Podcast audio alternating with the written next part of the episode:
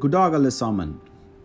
Mitt namn är Vibben Voges och idag önskar jag och dröfta praktiska exempel på bedrifters hantering av sars-cov-2-pandemin i Norge. Sedan mars 2020 har Norge blivit rammet av den största pandemin innen modern tid. Pandemin har satt stora spår hos var enkelt och påverkat den norska arbetsmiljön. Jeg har valgt å se nærmere på følgende yrkesgrupper lærer og ingeniører. Grunnen til at jeg har valgt disse gruppene, er fordi som student har jeg selv blitt påvirket av pandemien. Siden jeg er en blivende ingeniør, vil jeg sette søkelyset på denne yrkesgruppen og hvordan de har blitt påvirket av pandemien. Nå vil jeg fortelle hvilke problemer SARS-CoV-2-pandemien har forårsaket disse yrkesgruppene. I mars 2020 bestemte regjeringen for å stenge skoler og stoppe fysisk undervisning. Dette førte til mindre sosial interaksjon mellom lærer og elev. Selv om mange lærere hadde trygge jobber i form av lite permittering eller uppsägelser som andra yrkesgrupper har stått ovanför, så har många lärare, speciellt videregående och högre studier, haft en större arbetsbelastning med alla ändringar och möjligen utan tillräcklig upplärning. Lärare måste ändra hela sina läringsmetoder Lärare har också måttet få undervisning i alternativa lärometoder och digital undervisning, som har varit en större belastning för dem.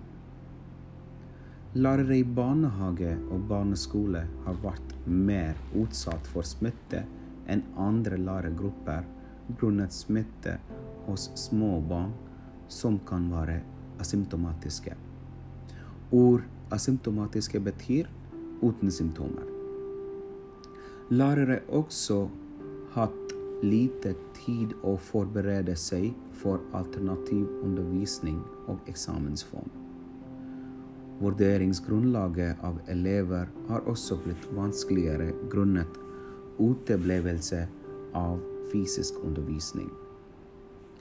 Lärare har också har egen barn har stått ovanför en stor utfordring med å kombinere hjemmeskole for egne barn i tillegg til å drive undervisning for elevene sine.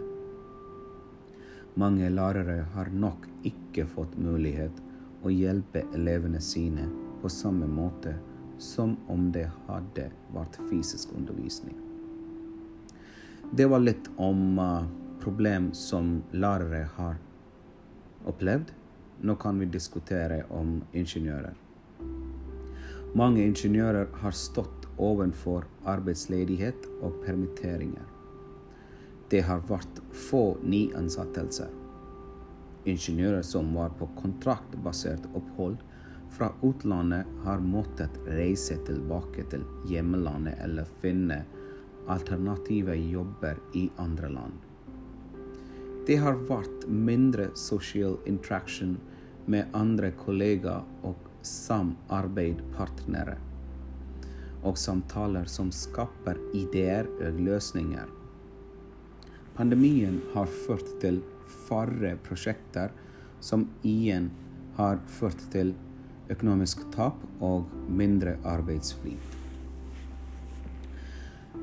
Uh, ah, nu kan vi diskutera lätt om tilltag dessa yrkesgrupper har genomfört for å tilpasse seg under SARS-CoV-2. Pga. smitteverntiltak fra Folkehelseinstitutt og regjeringen har lærere måttet tilpasse undervisningene sine. Undervisning har foregått digital, og eksamener ble endret til hjemmeeksamen. Pga. smitteverntiltak har klassene blitt mindre grundat krav om 1-2 meter avstand fra hverandre.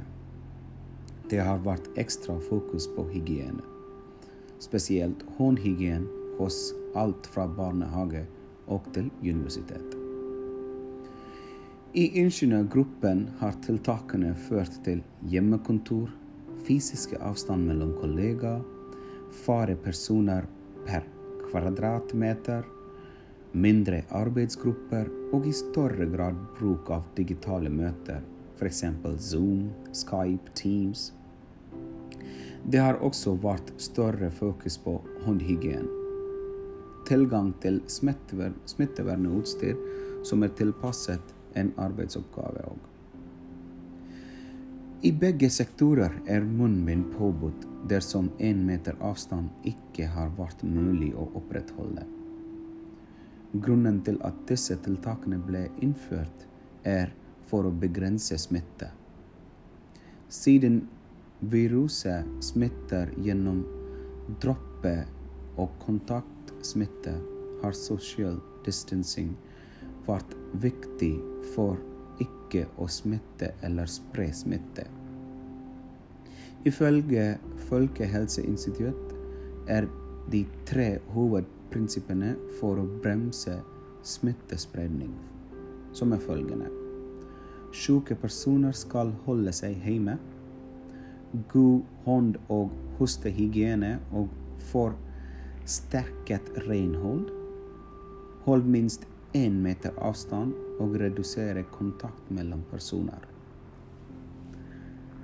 Till trots för problemen vi har diskuterat i detta inlägg så finnes det mange fordeler med tiltakene som er vedtatt.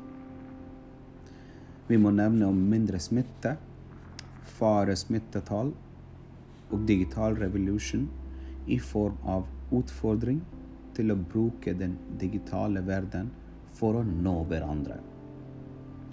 Det har også vært generelt mindre virus og bakterier, sjukdomar i landet grunnet smitteverntiltak. Takk for meg.